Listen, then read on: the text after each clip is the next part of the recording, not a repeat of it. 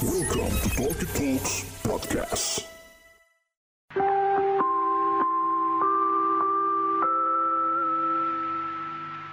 Kepada para pendengar Talkie Talks yang budiman, kami informasikan kosan season 2 telah mengudara.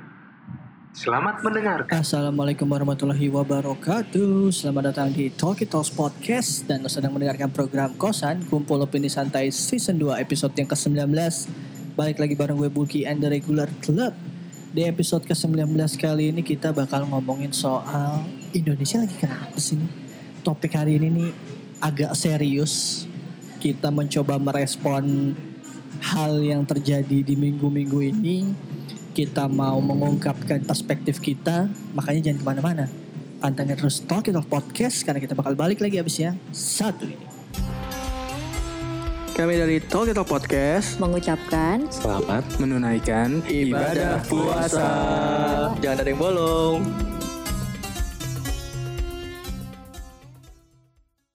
Kosan kumpul opini santai.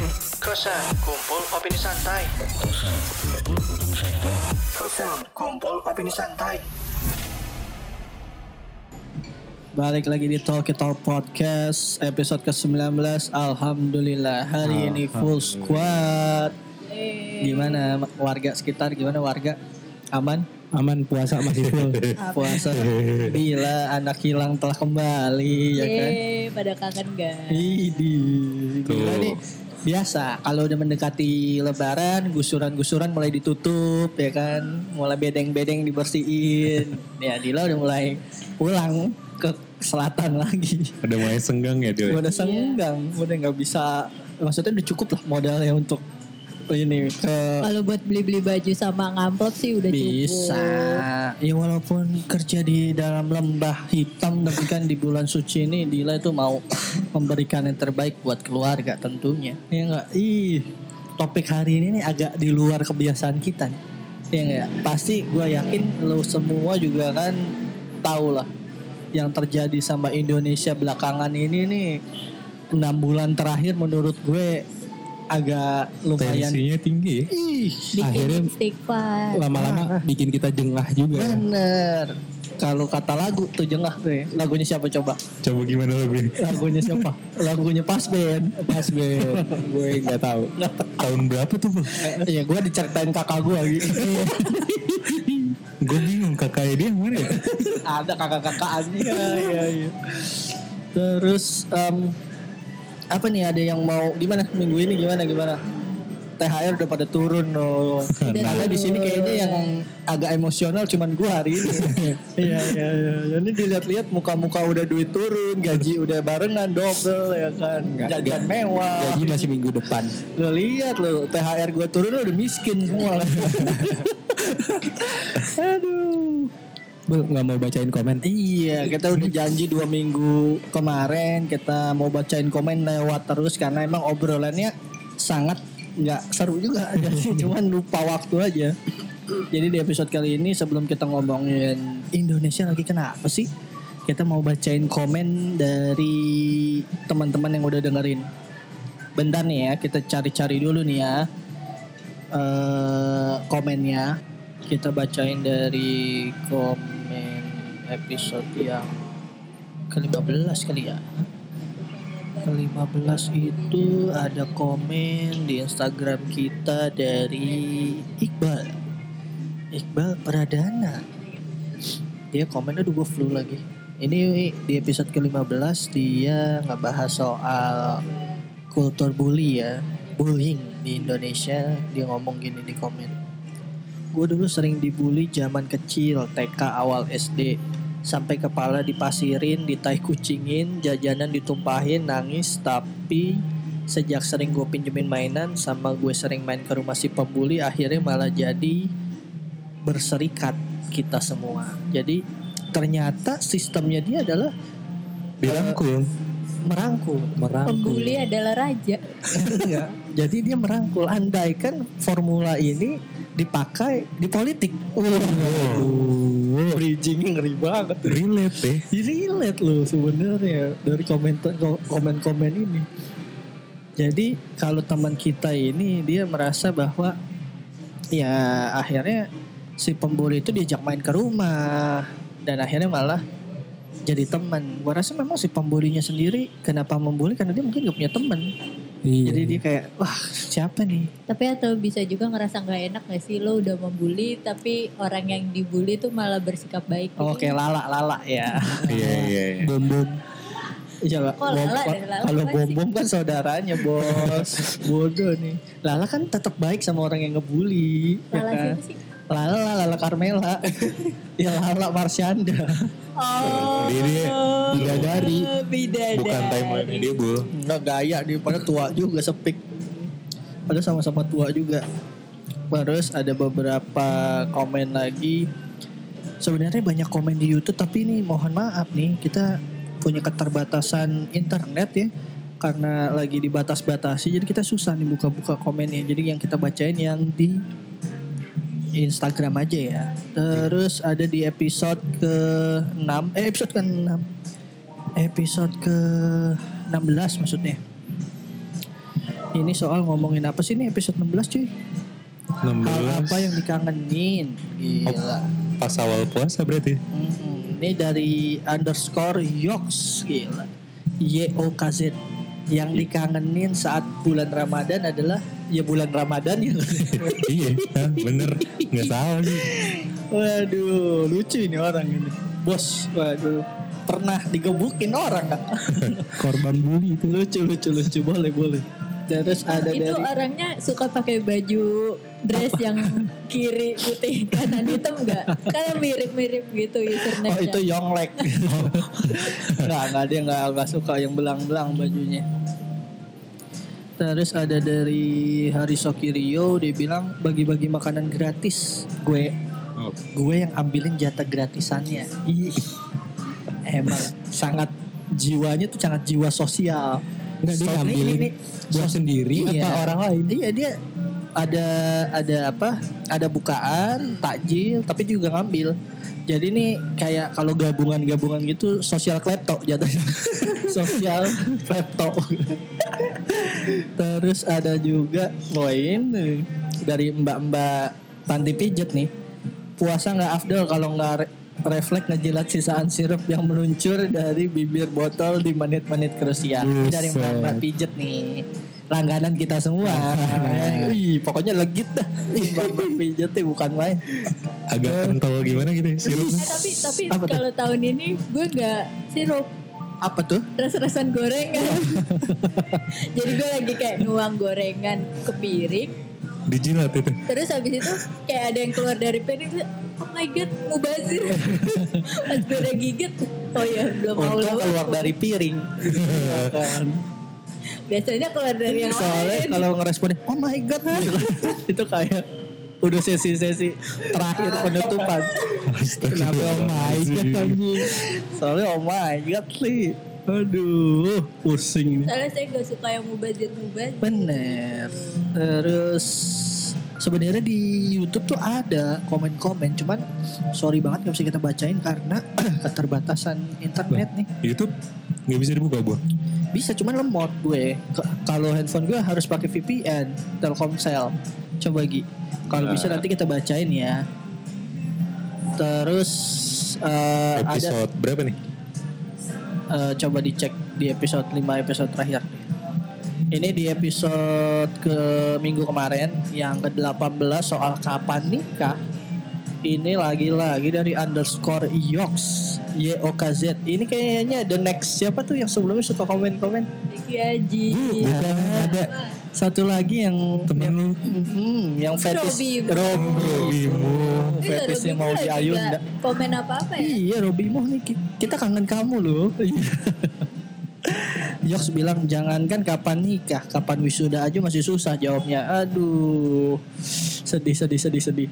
Oh ini YouTube kebuka nih dari episode eh, yang hal yang kalian kangenin saat Ramadan ada dari biasa pendengar favorit kita Riki Aji. Dia bilang minum air keran sekalian wudhu Febri parah emang dia bilang. Aduh, ini baru sekalian wudhu, belum sekalian yang lain.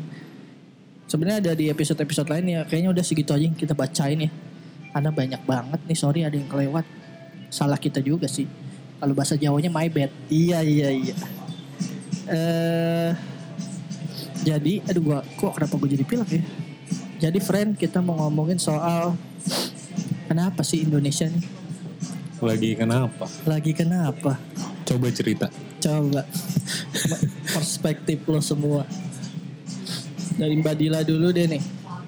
Gue lagi. Iya, lu kan dong. minggu kemarin absen. Jadi minggu ini kita butuh suara lu yang lebih vokal sebagai SJW. Lu tahu dong positioning lu. Ini biasanya head to headnya sama eh, cucunya Hatta. Ini. Ini Waduh, gak nyampe. Dari muka aja gak nyampe. Apalagi otak. nggak boleh nyebut nama. Tapi lucu itu ada saya ngefans sekali. Ayo ayo Mbak Dil, menurut lu lagi kenapa sih nih 6 bulan nih? Lagi Apa yang menyebabkan semua serba meruncing?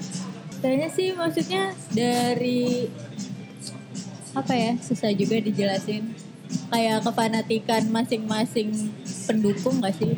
Maksud gue fanatik itu kan bukan baru muncul sekarang. Dari dulu-dulu juga udah ada masa yang fanatik sama politik gitu sama Ya parpol. tapi kan kalau sekarang Tapi untuk kenapa? Politiknya kan ada bawa-bawa faktor lain nih kayak Ah. agama, ras juga Bener. dengan bumbu-bumbu anti asing dan sebagainya. Menurut gue sih kayak eh, membawa sesuatu yang emang udah ada dulu dibawa ke sini lagi dan ternyata ya masih berhasil gitu sih. kenapa jadi apa ya maksud gue di era yang sekarang gue nggak tahu ya di era yang sekarang seharusnya informasi mudah diakses sebetulnya kan seharusnya banyak orang lebih gampang mengcross check gitu apa pun gitu ya. Mungkin kalau kejadian ini dulu gitu ya sebelum ada kemudahan internet mungkin gue agak lebih paham karena apa? Karena informasi hanya dari satu corong. Ngerti nggak? Apa yang lo dengar apa yang lo tangkap ya itu yang informasi yang bisa lo percaya.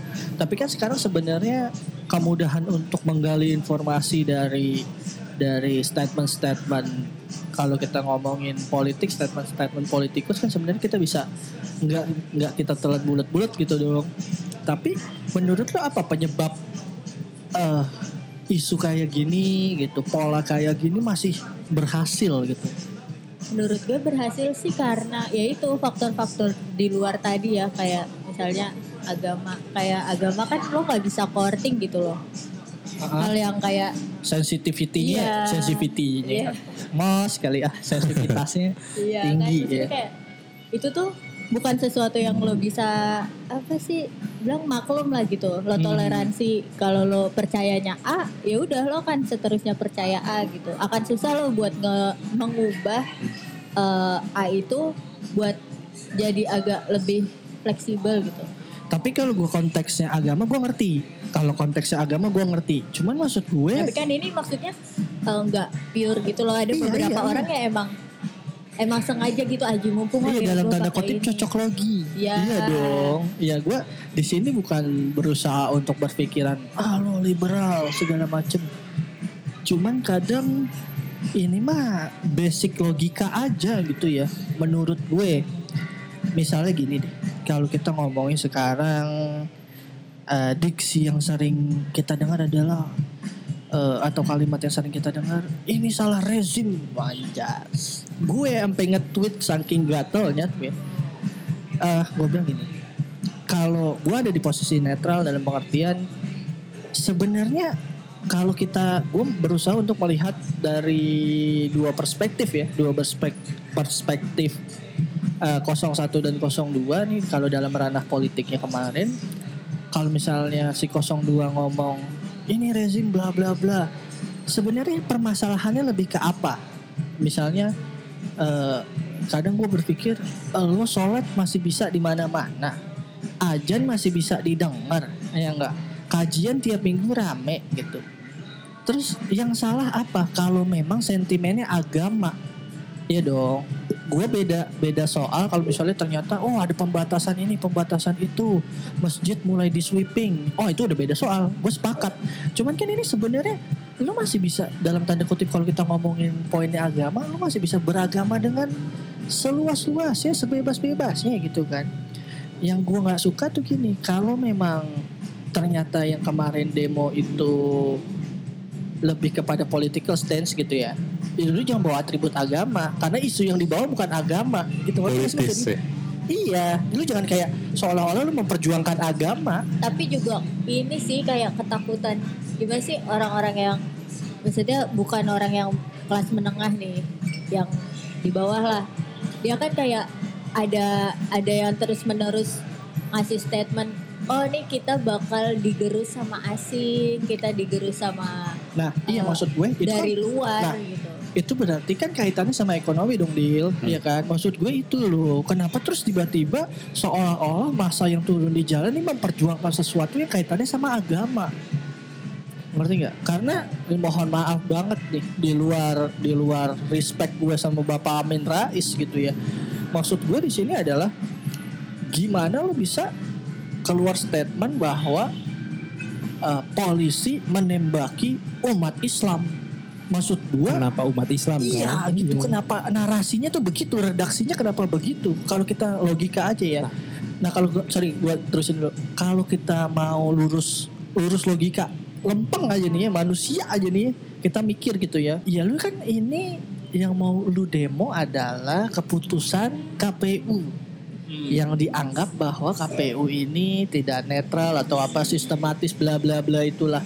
Ya gue mungkin di sisi yang netral oh ya silakan. Ya wajar kalau lu punya bukti kecurangan ya iyalah orang secara undang-undang secara sistem diperbolehkan gitu kan. Oke poinnya yang di bold gitu ya itu. Permasalahannya itu. Tapi kenapa seolah-olah gitu seolah-olah isunya tuh isu agama gitu. Lu kayak lagi memperjuangkan bahwa wah Al-Quran nggak boleh masuk negara ini gitu. Seolah-olah masanya tuh begitu gitu padahal sebenarnya dia perjuangan tuh politik gitu bukan agama itu sih gue gue yang kadang wah gatal banget sih gitu gue tuh kalau misalnya gue udah selected gue udah bikin tweet Ih, ngeri, ngeri. Eh tapi ngaruh gak sih sama ada orang yang gak bisa pulang ke sini itu loh. Kayak mereka memperjuangkan orang yang emang gak bisa pulang ke sini karena eh, orang yang terpilih sekarang gak bisa membawa pulang dia. Oh. Karena kan yang op- yang si oposisinya menjanjikan kalau gue menang gue bisa nih bawa pulang orang ini. Oh iya, si tokoh besar itu ya, Iya. benar. Iya, berarti kan sebenarnya itulah. Dengan Aduh, iya maksudnya gua- yang, gua- yang bisa pulang, yang Gue bisa, tahu nih. yang gak bisa pulang itu kan bisa dibilang kayak wah gila.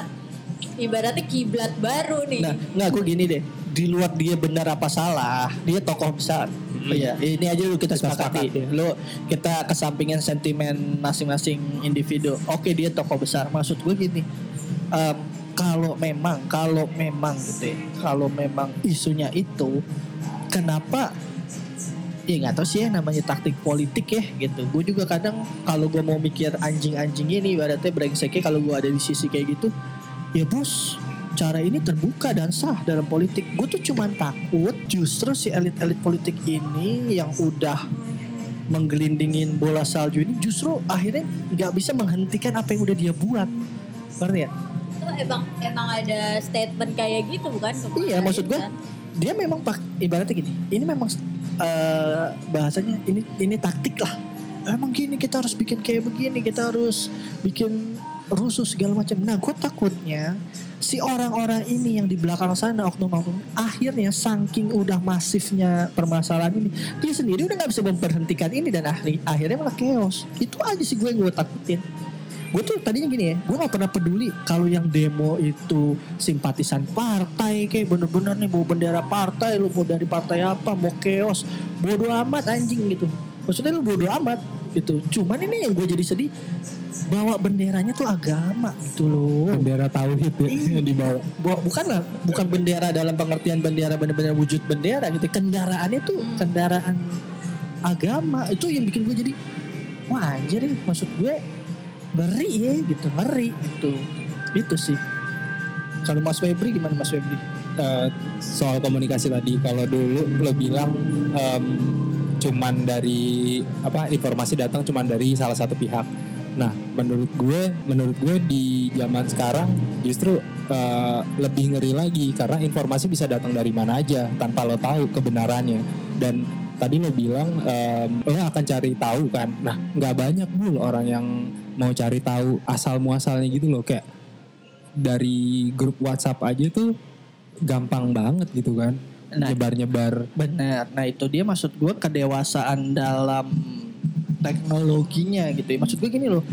eh ya ini memang tidak bisa dipaksakan. Kalau sumber informasi cuma satu bisa menyulut banyak respon wajar.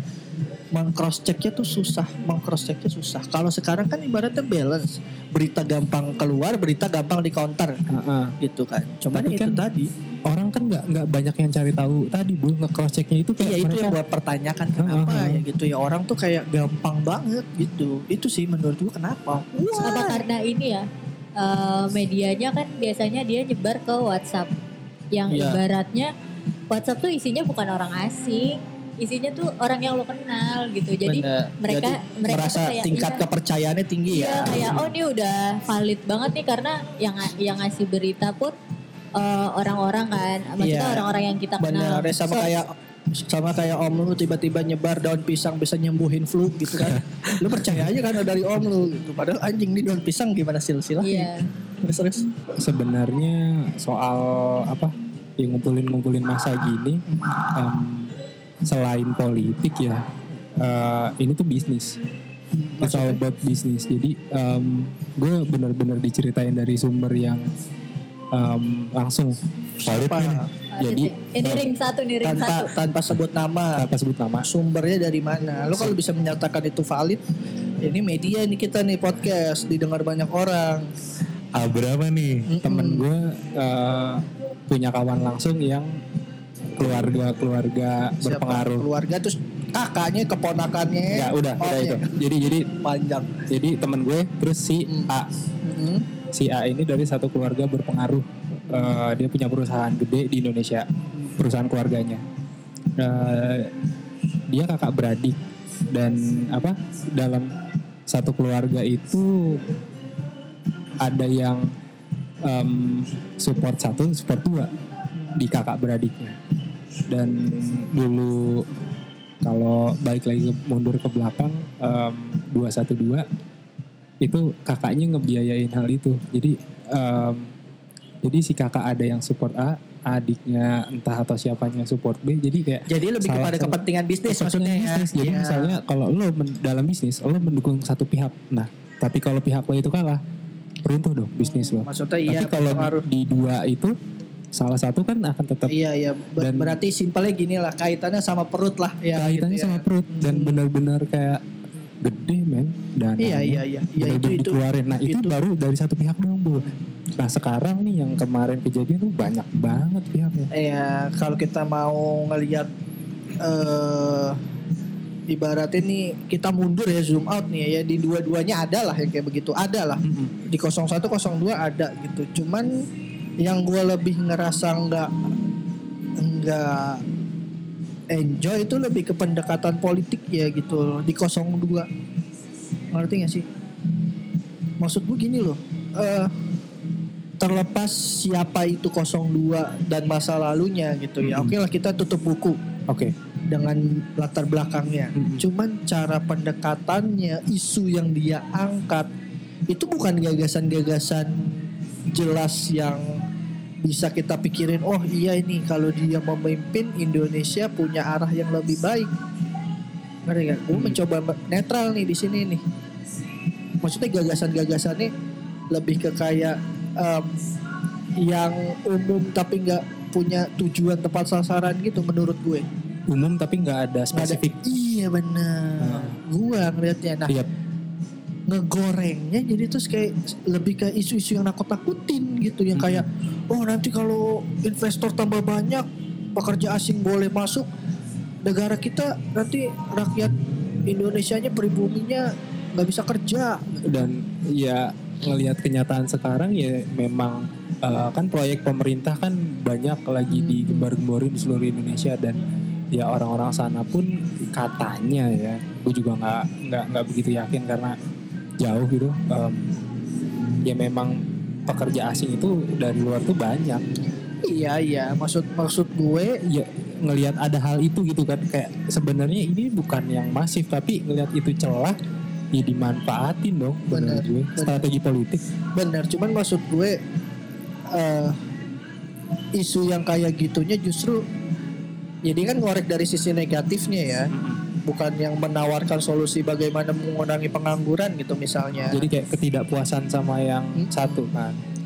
Kalau lu sendiri gimana Gi melihat apa yang terjadi nih? Lu pasti capek lah ya gitu maksud gue. Gue nih dari orang yang kagak mau tahu gitu sebenarnya berdiri dari dari orang yang eh bodoh amat lah ini mau gimana yang penting misalnya gini gue gue dalam konteks bodoh amat tuh adalah gue tetap waktu pemilu gue nyoblos apa setelah itu ya udah gue udah selesai melakukan tanggung jawab Bahkan gue jadi petugas TPS ya? Betul, betul. Untung gua nggak mati.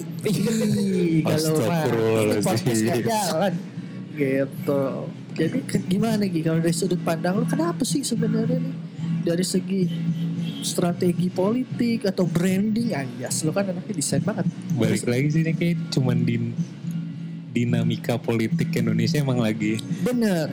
Tapi lu ngerasa nggak ini yang paling kayak chaos gitu yang menye- maksudnya efeknya tuh masif. paling chaos sampai saat ini sih Iya, Ah. iya, iya. kayak emang tapi kalau dihitung kan emang pemilu langsung kita tuh baru beberapa kali nih Bener. Maksudnya kita juga belum bisa ngambil kesimpulan kalau oh ini yang paling chaos tapi emang Iya, sepanjang gua hidup. sepanjang Iya, gue sepanjang ini gua hidup. emang yang paling nyapein ya. setelah 98. 98 maksudnya 98 gue juga masih kecil tapi Iya. gue ngerasain ketakutan yang wah Tapi maksudnya nggak head to head sih. Karo iya itu kan itu kan gak head to head Iya, tapi maksudnya di di sebelah jiwanya menurunkan rezim kayak gitu. Satu ada satu hal yang menakutkan Oh benar. untuk Efek efeknya gue ya. efek gue ah. gitu kayak gue hampir ngerasain ketakutan itu lagi tuh pas Kemarin. kemarin nah. itu sih gue gue. kemarin enggak sih. Gue nggak merasakan ketakutan yang mengancam nyawa gue. Kalau kemarin. Bukan ketakutan itu bukan Iya. cuma masalah maksudnya ketidakstabilan Iya, lebih ke situ. Kestabilan bukan secara luas iya. Iya iya iya. Maksudnya kayak kerusuhan Iya orang kan tidak serta merta nggak bunuh lu, lu sipit enggak keriting hitam nggak mungkin dibunuh. Iya. Lu, eh, lu adalah DNA pribumi sejati. Pribumi. Pribumi lu orang ketemu juga bang kasih dua ribu dikira tukang parkir Indomart. Kalau teman-teman yang dengerin ini punya perspektif beda, ini kita ngomongin ini di luar. Kita milih siapa gitu. ini opini Ah, ah, Kita, maksud ah. gue, ah, gue gak suka isunya deh itu. Isu yang digoreng masalah nyangkutnya ke agama Bos, bener. Prabowo tuh bukan gue gini, gue respect dengan cara Prabowo eh, apa namanya bertanding di 2014. Iya. Respect gue. Apa yang dia usung, apa yang dia bawa itu masih masih bisa relevan relevan dan jelas gitu. Menurut gua ya, aturan mainnya isu yang dibawa gitu jelas ketimbang yang sekarang. Gue ngelihat kenapa isu ini diangkat karena mungkin keberhasilan Di DKI Jakarta. Iya. Heeh. isu ini ke- berhasil gitu di DKI Jakarta. Si orang-orang di balik layarnya merasa bahwa ya udah deh kita ulang lagi deh. oh ini paling gampang nih atau Mm-mm. mungkin emang eh, orang-orang yang ngelakuin sekarang adalah orang-orang yang sama yang ngelakuin di kemarin. Sudah pasti kan partainya sama. Iya, maksudnya kayak ya udahlah pakai ini lagi. Ah benar. Toh kan menangnya jauh lebih gede. Betul, isu yang diangkat isu yang setiap orang tuh merasa memiliki. Iya. Ngerti nggak? Karena ada di sila kita. Bener, maksud gue nggak sehat lah, nggak sehat banget gitu. Bener-bener gue ngerasa ini bukan, gue ngerasa malah ini kemunduran, kemunduran proses demokrasi ya. Iya. Karena gagasan-gagasan yang ditawarkan tuh bukan gagasan-gagasan yang bikin bangsa tuh pede gitu menghadapi misalnya dalam tanda kutip persaingan glo- global, pekerja asing, segala macam gitu. Cuman kayak isu-isu yang masih apa ya? Bisa dibilang bukan gagasan baru tapi kayak lebih ke kayak jatohin yang lama gitu lah kasarnya kalau gua ngelihat kalau dari kacamata gue kalau gua ngelihat 02 nih sebelum akhirnya Pak Prabowo maju lagi menurut gue sih sebenarnya Bapak itu sudah lelah gitu ya sebenarnya menurut gue gue kalau nggak salah gue pernah ngeliat interview gitu ya Iya. interviewnya Prabowo dia bilang dia udah capek gitu karena dia merasa bahwa oh saya dari muda udah bertugas untuk negara gitu kan jadi abri kayaknya sekarang saya mau istirahat mau menghabiskan waktu dengan keluarga terus hobi segala macam gitulah kurang lebihnya Atau dia sebenarnya kayak nating tulus anjir dia kalah juga ya udah dia balik Nah, ke hidupnya juga masih Benar, enak. di sebelumnya gitu, di sebelumnya sebelum dia maju lagi di di 2018, pilpres kedua ya, gue tuh ngeliat bahwa sebenarnya mungkin mungkin yang aus tuh orang-orang di sekelilingnya gitu loh, orang-orang bawahannya. Karena misalnya kalau untuk lo jadi partai oposisi lo harus punya tokoh yang kuat dong. Sedangkan misalnya dari partai oposisi ini nggak punya nih siapa selain doi lagi Iya.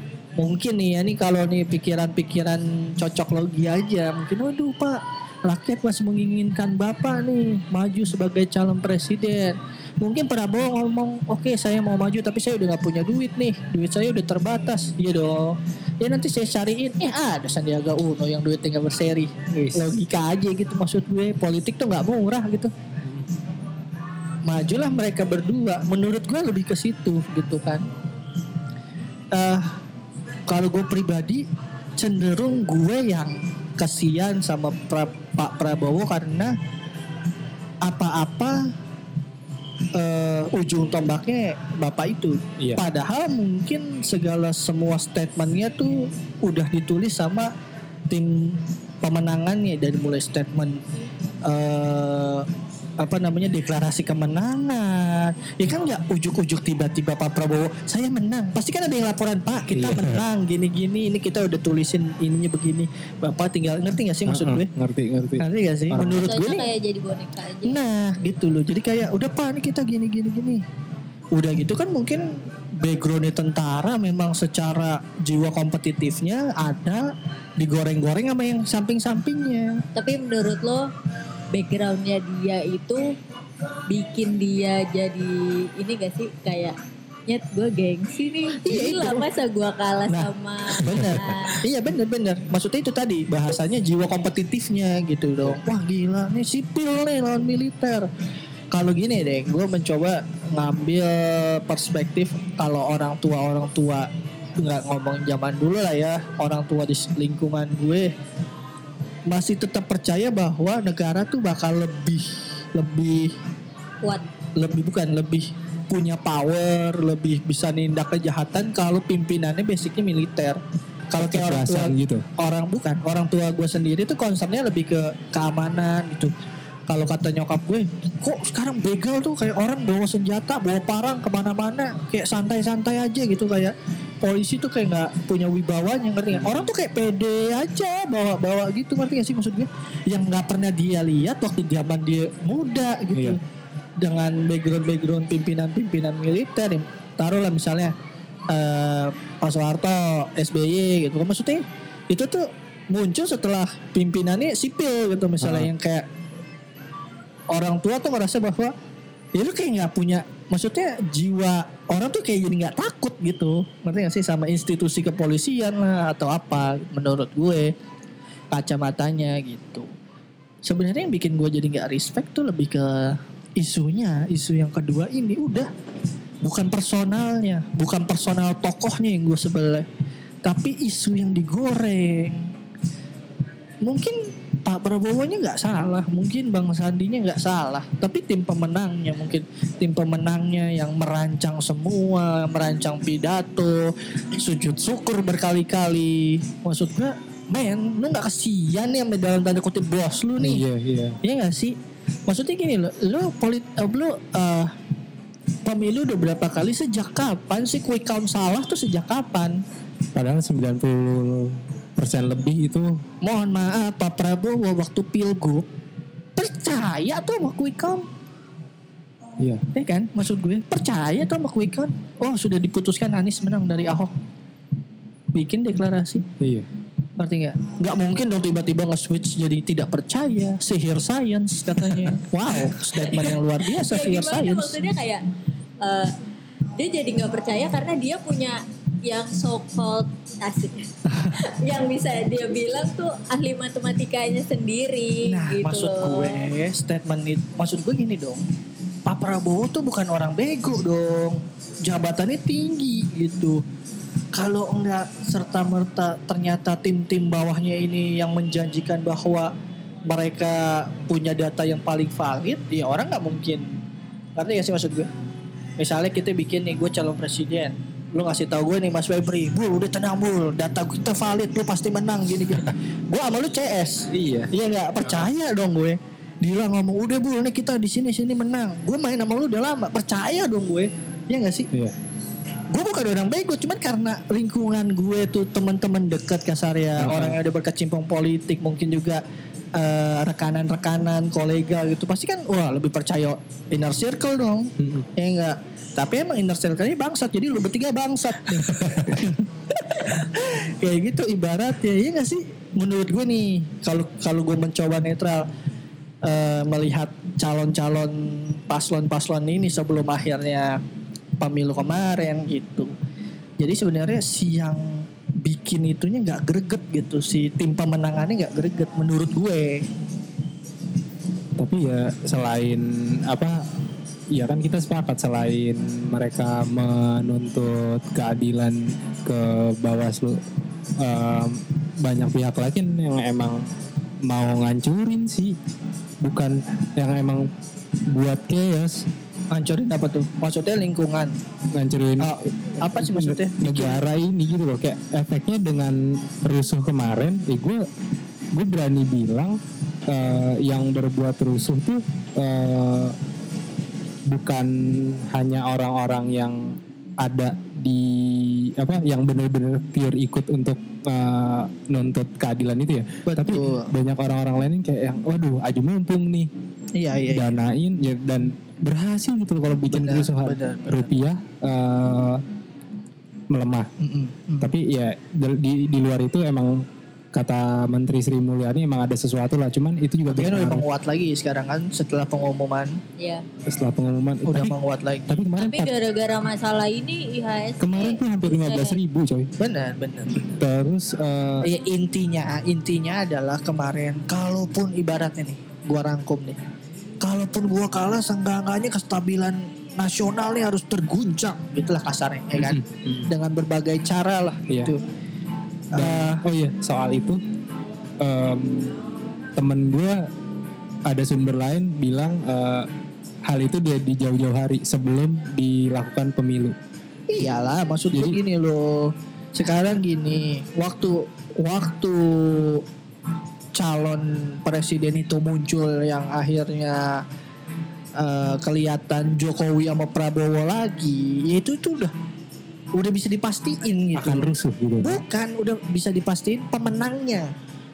Enggak, kalau gue, kalau gue pasti ini gini. Kalau dari Ini boy, ini gue jelasin dulu. Dari maksudnya gini, ini ini pasti kaitannya sama eh, pemilu itu. Ah, ah. Jadi ketika sebelum uh, memulai pemilu akhirnya kan nih ada nih partai-partai iya. mengusung calon. Muncullah dua ini, Ah, ah. muncullah dua ini, itu kan. Pasti kan terus wah ini kalau Pak Prabowo maju lagi udah dalam udah pasti nalar orang-orang tuh pasti kalah. Mm-mm. Nah, itu tuh udah sistematika itu sudah dirancang mungkin jauh-jauh hari Mm-mm. gitu. Setelah itu muncul, ya nggak mungkin dong jauh-jauh hari tanpa ada penyebab gitu loh maksud gue. Tapi tapi kan sebelumnya juga eh, di sebelumnya itu tuh udah kelihatan juga Bu cuman efeknya nggak serusuh. Bukan. Sekarang gue tanya, kalau udah dirancang jauh-jauh hari, triggernya apa? Lu mau ngangkatnya dari mana? Rusuh itu, kalau lu bilang itu udah dirancang jauh-jauh hari itu untuk apa? Em, Triggernya. Kan kalau sekarang kenapa nih? Ya karena memang eh, eh, jadi salah satu senjata salah satu paslon, misalnya, Ah. misalnya. Kalau misalnya lu ngomong, oh enggak ini kaitannya bukan pilpres, emang ini kerusuhan ini dirancang udah dari jauh-jauh hari. Triggernya apa?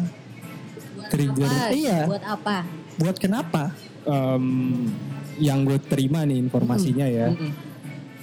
Karena sebenarnya pihak 02 itu tahu mereka kalah, tapi Iya kalau- berarti kan kaitannya sama presiden. Iya makanya ntar dulu. Tapi nih kan si 02 ini mereka tahu kalau akan kalah. Tapi Benar. katanya yang gue dengar nih, gue bukan menuduh cuman ya gue dapat informasi ini dan em, pokoknya kalau misalnya kalahnya lebih dari berapa persen gitu, ya akan bikin sih, Bu, akan berbuat kayak kemarin itu. Iya berarti kan ini kaitannya. Iya, tapi Tadi lu bilang tapi, tapi bukan, di, bukan di- dari awal enggak sebelum awal pemilu mereka Berantem. udah mencanangkan itu bu maksudnya jadi kalau misalnya si dari gua ah kita tahu akan kalah nih ya udah kita bikin hal Iya. itu itu di- iya iya tadi konteks gua ngomong berarti itu kan dire- dirancang setelah eh, ada pengumuman. Belum. Maksud gue maksud maksud gue gini pengumuman dalam pengertian lu udah bisa tahu nih maju berdua dalam konteks Iya. presiden nih bukan Ah. pengumuman bahwa oh dia di calonnya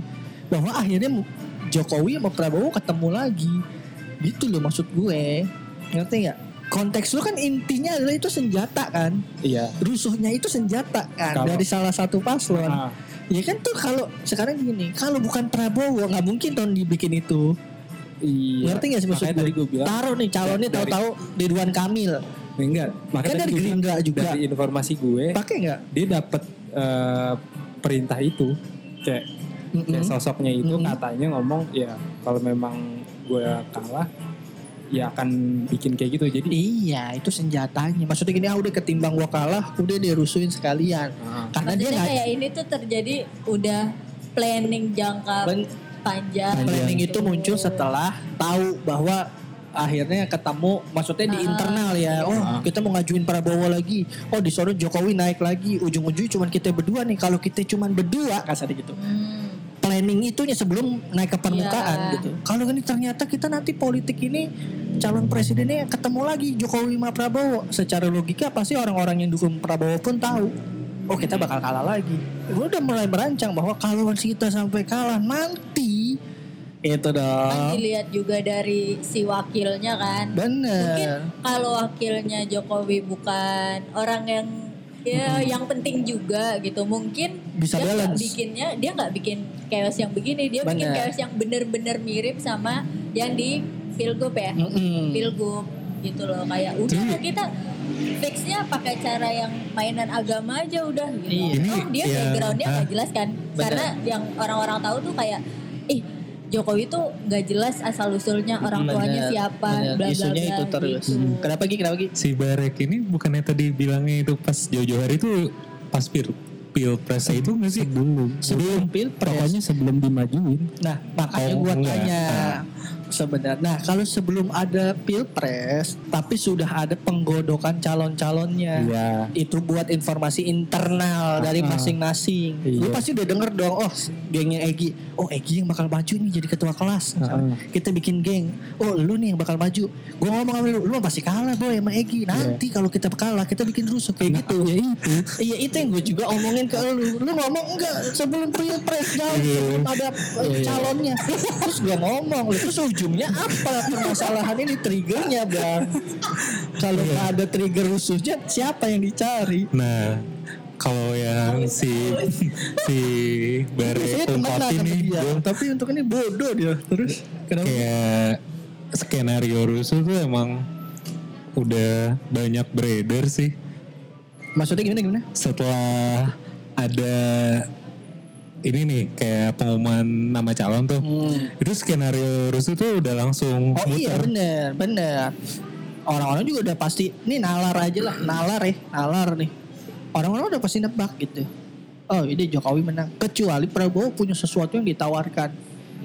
Ya gue nggak mau mainin isu bahwa oh dia masih bermasalah dengan ham segala macam gitu. Ya udah, eh gue mencoba untuk tutup mata dulu deh masalah itu. Misalnya ya, misalnya nih, kalau dia memang menawarkan sesuatu yang lebih greget, gue bisa switch gitu.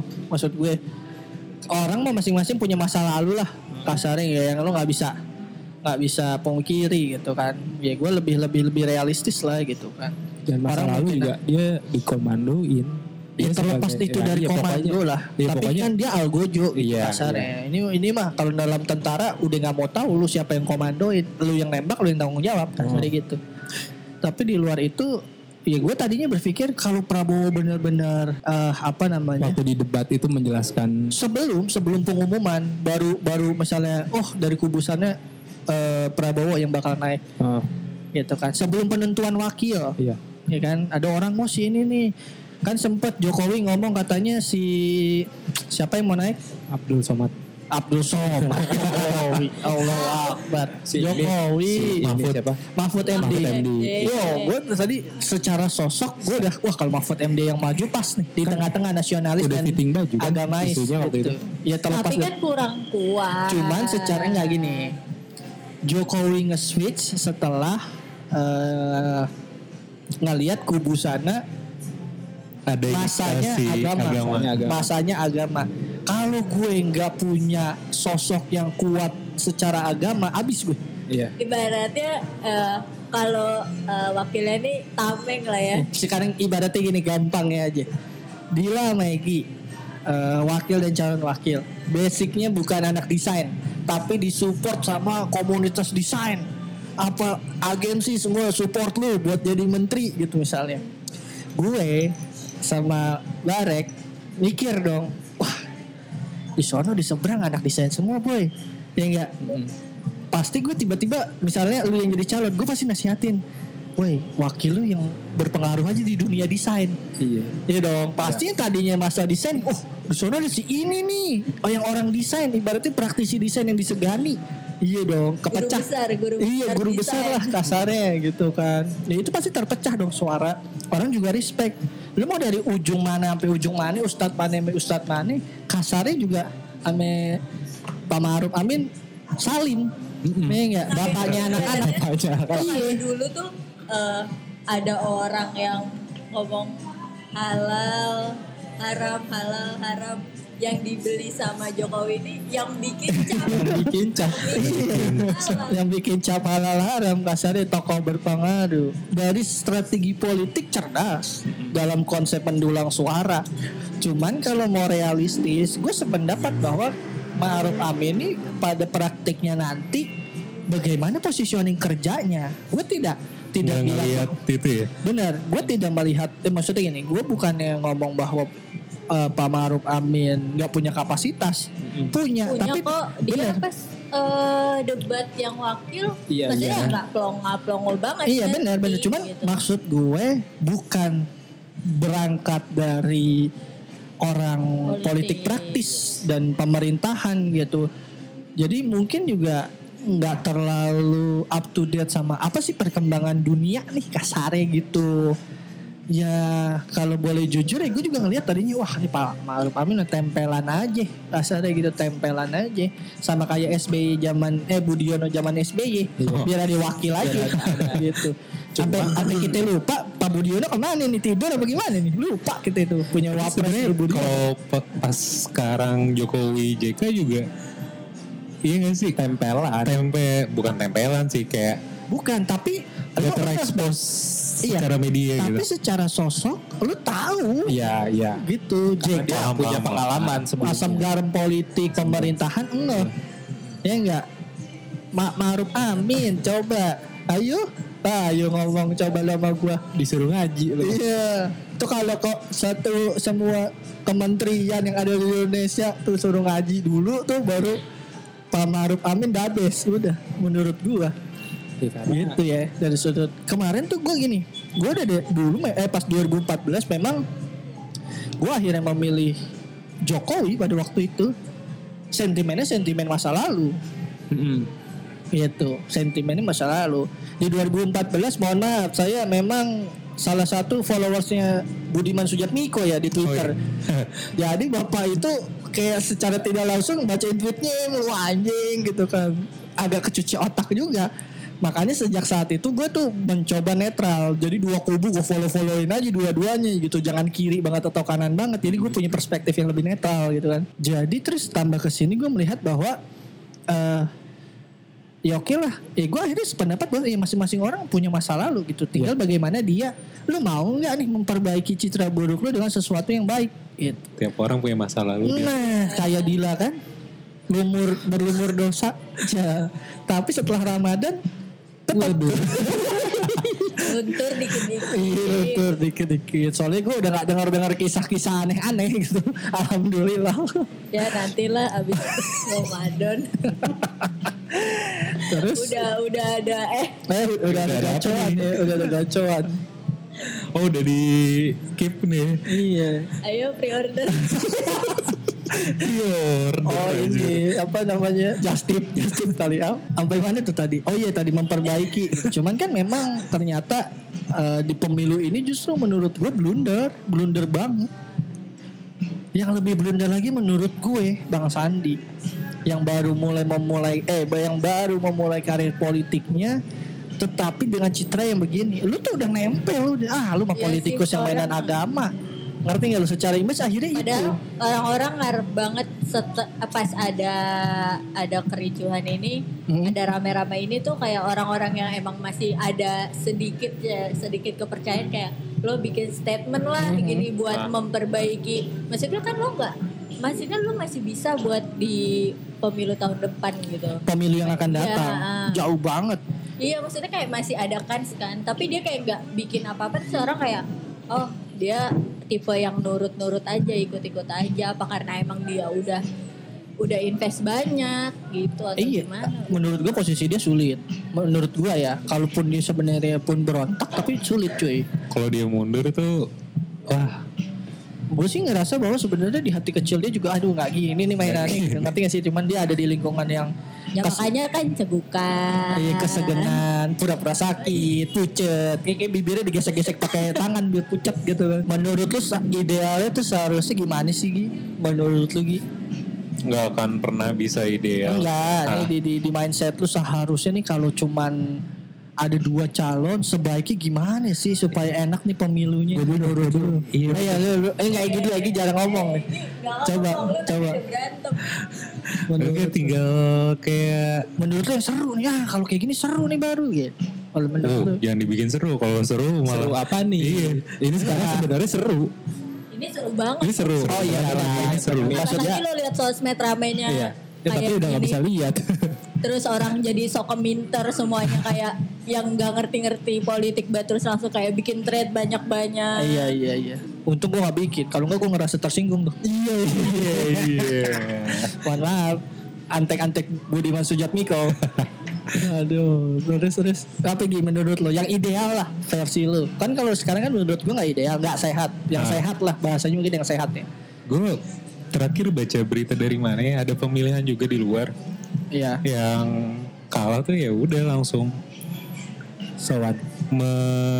mengucapkan selamat, Selamat. kepada yang menang gitu Benar, dan yang udah-udah kan pasti begitu. udah- yang udah-udah pasti begitu. Iya, yang udah-udah pasti begitu. Tapi yang kan terdekat deh yang waktu itu pilgub gitu Ah, kayak ah, ya udah kok langsung udah langsung. langsung. Ah, di 2014 juga Ah. kan sebenarnya ada juga studi banding eh studi banding eh, protes ke MK juga kan. Cuman maksudnya ya nggak ada mengerahkan masa bla bla bla gitu maksud Ya udah yang katanya isu-isu bawa truk-trukan ternyata cuma kayak kontainer kontainer tonya kontainer gitu kontainer box. Ya bener sih baca kontainer IKEA tapi kan seolah-olah waktu di, di wawancara kontainer kontainer gede Iya, kan? kontainer Uh, mobil. balik lagi sih kayak kepentingan-kepentingan yang Nah. ditunggang ini itu loh maksud gue gue tuh kasihan sama orang-orang yang nggak ngerti apa-apa. Gitu. Gue baca tweet yang lucu banget eh, menurut gue ya. Sekarang tuh kita anak-anak muda seharusnya udah nggak zaman orang tua mantau kita kita mantau pengajian mak-mak kita ya. Gitu. atau sosmed. Eh, mantau pengajian mak-mak kita jangan-jangan pengajian ini nggak beres. Gitu. Eh, masuk akal gitu maksud gue eh gue nggak tahu lah. Maksudnya di sini tuh gue mencoba untuk eh netral banget gitu. Ini netral. Tapi gini gak sih kayak obrolan kita di sini tuh satu gitu. Nggak ada counternya bang. Iya memang maksud gue memang iya. Nah, makanya gue di sini mencoba melihatnya dari dua arah. Kenapa tadi gue buka omongan bahwa kemungkinan mungkin uh, dari kubu Prabowo sendiri yang aus tuh bawahnya gitu loh. Karena eh, semua permasalahan, semua narasi, semua penggerakan massa kan redaksinya semua tuh dari kubu sana gitu. Bukan ya ternyata memang begitu adanya gitu. Cuman gue mencoba untuk lihat dari perspektif lain mungkin menurut gue Pak Prabowo ini cuma jadi kayak jubir untuk bawah-bawahnya aja gitu sama yang gue gak suka keterlibatan media nggak sih media tuh gak netral sih kalau menurut gue betul udah pasti Iya sih karena ya maksudnya ya petinggi-petinggi TV-nya itu tuh kayak masuk ke kubu sat- satu dan yang lain. Benar benar. Iya iya. Gue gue Kayak gue mengakui. kalau ngelihat oh gue ke channel A channel A ini lebih corong buat kayak 01. eh, Iya. Terus yang satu yang B terus yang dua. Iya ya gue sependapat itulah sulitnya kalau pemilik TV ya terjun politik gitu kan. Makanya untungnya masih ada entrepreneur-entrepreneur yang enggan ya. Kalau semuanya udah memiliki afiliasi politik, susah lu nonton TV. TV bukan pilihan yang bijak untuk cari informasi politik pada akhirnya. Ya walaupun portal berita juga ada kok Ya beberapa. itu udah satu paket boy. Iya kan? TV Kan turunan online sekarang. semua. Parah. Makanya eh nggak jadi dah. Udah makanya kerja di Iya. gambar-gambaran aja udah. Tapi gue sih eh, konklusinya dari obrolan ini, gue pribadi sih pada akhirnya ngelihat ini cenderung jadi sedih juga, boy. Sedih dalam pengertian Kenapa harus bukan kayak gini? iya. Maksud gue gini loh, kenapa sampai dalam tanda kutip sejahat ini ya maksudnya elitnya gitu mau memobilisasi massa. Gue nggak bilang bahwa orang-orang yang demo itu salah. Dia salah kan karena diberikan narasi diberikan apa ya istilahnya ya? Benar Eh, gak sih atas kemauan mereka sendiri? bener maksudnya ya sama kayak gini deh lu kayak fanatik banget sama tim bola Iya. ngerti gak lu AC Milan. lu mau ke mana berangkat Liga Champion lu berangkat gitu kasarnya gitu kan ibaratnya tuh kalau misalnya pimpinan klub bilang boy di stadion rusuh rusuh Rusuh. ngerti gak sih maksud gue Iya. saking fanatiknya fanatik tuh bukan hal yang baru cuma maksud gue kenapa sampai sebegitunya gitu ya untuk politik sekarang Dan eh, apa? Kayak obrolan tadi awal sebelum tapping, efek kayak gini berkepanjangan gak sih? ah itu yang gua takutin. Jadi bahwa pertemanan lintas agama tuh menjadi sesuatu hal yang aneh nantinya gitu kan. Kayak eh jangan temenan sama dia. Kenapa? Dia sering utang. Ah itu benar. Eh dong. Jangan temenan sama Gue dia. ada utang gak boleh malah. ya lu masih ditemenin Iya, sama iya, gua. Gue banyak utang. kalau lu masih di gue temenin berarti lu gak ada utang. Kalau tiba-tiba gue males main sama lu lu bayar dulu. Itu aja lebih ke situ gitu ya. Lebih kepada yang kesian tuh anak-anak yang mungkin sebenarnya nggak ngerti terus cuman denger-denger cuman lihat-lihat wah kita tuh ternyata harus benci sama orang kayak gini ya gitu. Padahal sebenarnya kayak gimana ya? Aduh menyedihkan sih menurut gue. Kemarin sih kalau gue ngeliat apalagi ya, udah etnis sih. Waduh tuh serem serem banget. Gue ngelihatnya kayak si em, kebiasaan orang Indonesia tuh milih pemimpin yang udah pernah mereka rasain gitu loh. Kayak masa SBY dia bisa kepilih dua periode. Dan gue ngeliat pas eh, Pak Jokowi nyalon lagi ya gue eh, di 2014 gue hmm, Pak Prabowo sih. Gue nggak nggak ke Pak Jokowi. Tapi kayak gue ngeliat ya kebiasaan orang Indonesia gitu. Kayak ya mereka kayak yang udah udah pernah dan maksudnya eh, ada gitu yang eh, proyeknya Nah. yang dibangun Nih sorry gue eh, tambahin lebih ke gini loh. Kalau kenapa orang tuh cenderung milih yang lebih udah pernah gitu ya? Karena ternyata lawannya tidak menawarkan sesuatu yang bikin gue tergiur. Mm-mm. Taruh nih kemarin nih pilpres kemarin yang maju Ridwan Kamil misalnya Iya. atau siapa Eh, Surabaya siapa? Ganjar. Ya bukan si Risma, Risma. Risma. Mungkin mungkin lebih Ganjar Pranowo- Pranowo ya. Eh, Salah, salah. Dan kalau si nomor 2 maju di 2024 Enggak, u- udah dia nggak usah maju-maju lagi, udah. Nggak usah ada opsi. ya bukan bukan. Maksudnya kalau mereka dia nggak maju di sekarang di Atau- 2024 atau gini eh Presiden Prabowo wakilnya Ridwan Kamil. Wah. Wah bos itu lebih gua Iya. menurut gue. Iya. pusing orang. Yakin gue pusing. Ya maksud karena gue karena eh, sosok sosoknya itu fresh terus setelah memimpin di mana-mana cakep Iya. Yang ngerti nggak ada ada Hasilnya portfolionya Ah, bagus iya. ini yang maju Prabowo wakilnya Sandi cakep portfolionya cakep banget apa yang ditawarin bingung kita Udah, Ya, jangan gibah-gibah. Mendingan ini karena masih eh, edisi Ramadan. Bener. Gue mau menanyakan nih, apa gimana cara lo tetap maksudnya kayak eh, berpikir jernih? Gimana sih lo cara menangkal eh, Radikal bebas. Iya, menangkal maksudnya kayak kericuhan, keramaian ini tuh biar eh, apa puasa lo tuh tetap tetap bagus lah nggak nyinyir mulu lihat Oh enggak kalau gue hindari baca Twitter udah itu aja. Sebenarnya kemarin Instagram di blog ya Enggak. menurut gue itu salah satunya kan juga Oh iya iya. iya. Kalau gue ngiring-ngiring kalau opini. gue pribadi Instagram netral. Maksudnya gue nggak ada teman-teman sotoy politik di Instagram. Twitter mohon maaf tuh kayak Facebook Facebook gue udah gak jarang buka. sih. Facebook racun Twitter tuh baru tuh isinya gokil. Kalau Instagram mah kan ih selebgram selebgram. Lebih cenderung takut ke dedek dedek dedek yang lain takut dibuka duluan. Lebih ke situ. Bukan pikiran dengki enggak, pikiran lain ngantuk, pikiran ngantuk. Kalau lu Gi, gimana Gi? Aduh. Lu aduh mulu nggak sih? Iya nih, Keinjak apa gimana? Diem, aduh. Lihat dia aduh, lihat dia aduh.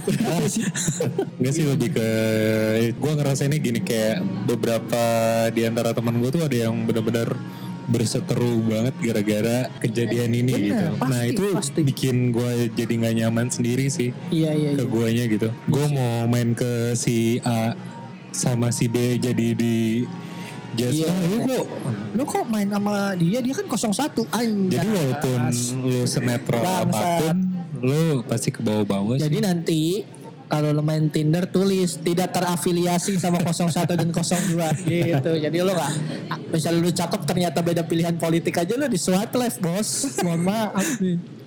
Kalau lu gimana Dil? Sebagai SJW, sebagai orang yang waduh, mengumandangkan kesetaraan gender, ya gue kayak sebagai rival Gustika. rival Oh, lu tadinya enggak dengan rival ya. Terus terus. Iya sih kayak gue mengurangi sih untuk yang eh, bahasan-bahasan politik tuh kayak gue oh udah deh gak usah banyak-banyak gitu. Gue lebih kayak lebih ke yang bahasan-bahasan yang lain yang gak penting gitu-gitu. Yang Receh masih, ya?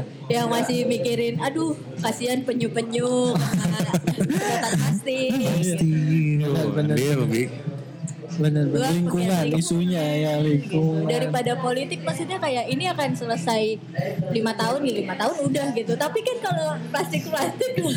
Seumur hidup ya. seumur hidup.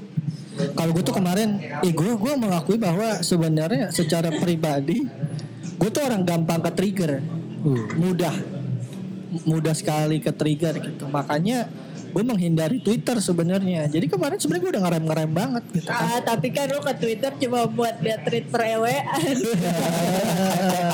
ya itu kan hiburan di tengah politik juga. Tapi gue nggak follow follow yang gitu. Itu tuh itu suka nggak di follow tapi, Nggak, tapi muncul, ada. muncul gitu, muncul sama aja tiba-tiba. kayak explore lu yang isinya Oh, oh, melon oh, oh, oh. Tapi kalau nggak kalau politik karena emang beberapa orang gue follow gitu. Jadi kurang lebih isinya politik. Kemarin gue udah ngerem-ngerem banget. Sampai terus tiba-tiba aduh ya biasa lah ya yang agak sangat kanan sekali retweet retweet video-video yang ini sumbernya belum valid nih padahal terus kayak sebenarnya lu tahu gak sih ternyata orang-orang kayak gitu tuh juga cenderung semakin banyak kenapa karena algoritma itu algoritma sosial media yang yang lo klik enggak ya yang lu klik tuh menjadi jadi Preferensi. Referen- iya. Jadi berita-berita yang muncul tuh yang sesuai sama lu. Jadi kayak tiba-tiba lu ada di bubble yang ngerasa bahwa oh ini bener kok orang-orang pada ngomongin ini padahal algoritma itu membentuk itu gitu. Makanya gue mencoba untuk menetralisir itu dua-duanya. harus Jadi- dua ya. Harus dua. Kalau kiri doang, bos, wah. Cakep. Cuman sih kalau pengalaman kalau pengal- kalau pengalaman gue, gue cenderung lebih yang ke sebelah kiri. kalau gue inget-inget ya, kalau gue inget-inget yang kanan agak aneh. Jadi secara posisi nih kalau kita adep-adepan, iya. kiri versi dia, kanan versi gue. Gitu. Ya, pusing gua. itu sih nih coba dia ngomong dia lah dia nih yang udah yang udah turun kalau puasa-puasa susah nelen ya. Takut pasti turun eh dosa gak nih hitungannya nih?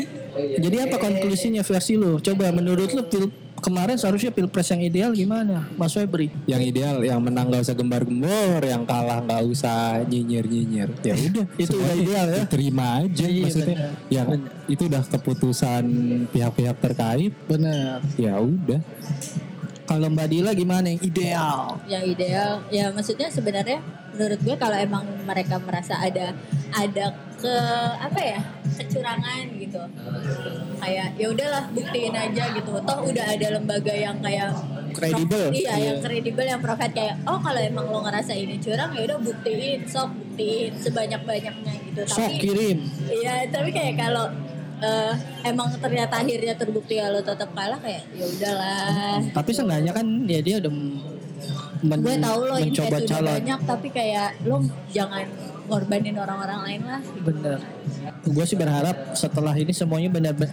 Gue nggak yakin bisa pulih 100% seperti sedia kala gitu ya. Maksudnya Kayak gejolak-gejolak iya beberapa bulan ke depan masih ada. Apa sih bahasa Indonesia? Sensitivitas.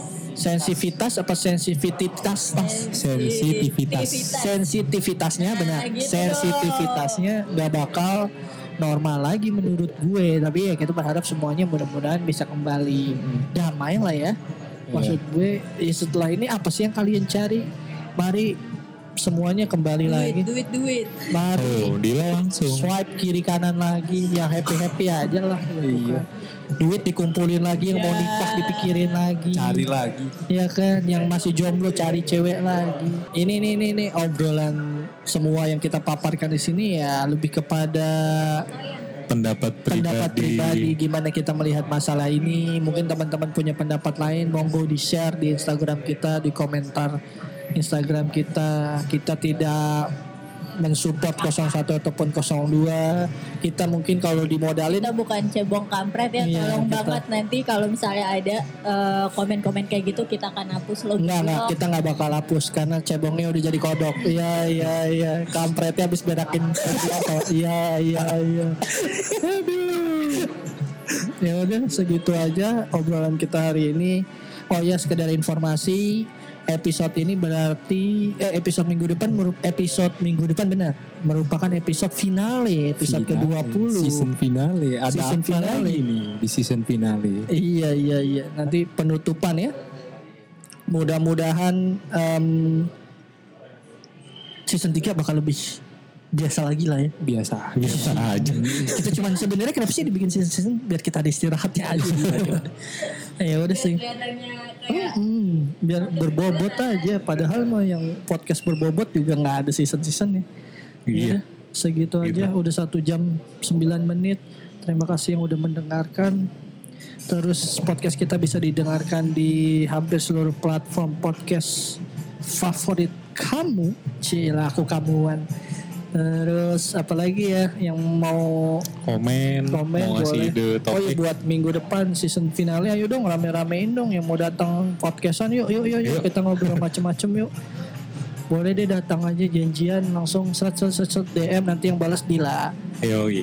Kalau DM sekalian nomor rekeningnya kita kasih transfer 100 ribu satu pap sebelah kanan. jangan lupa kue-kue lebaran. iya boleh kalau mau kirim-kirim. Ya udah kabarin aja dulu deh. Ya udah gitu aja. Sekian. Wassalamualaikum warahmatullahi wabarakatuh. Kosan kumpul opini santai. Kosan kumpul opini santai. Kosan kumpul opini santai.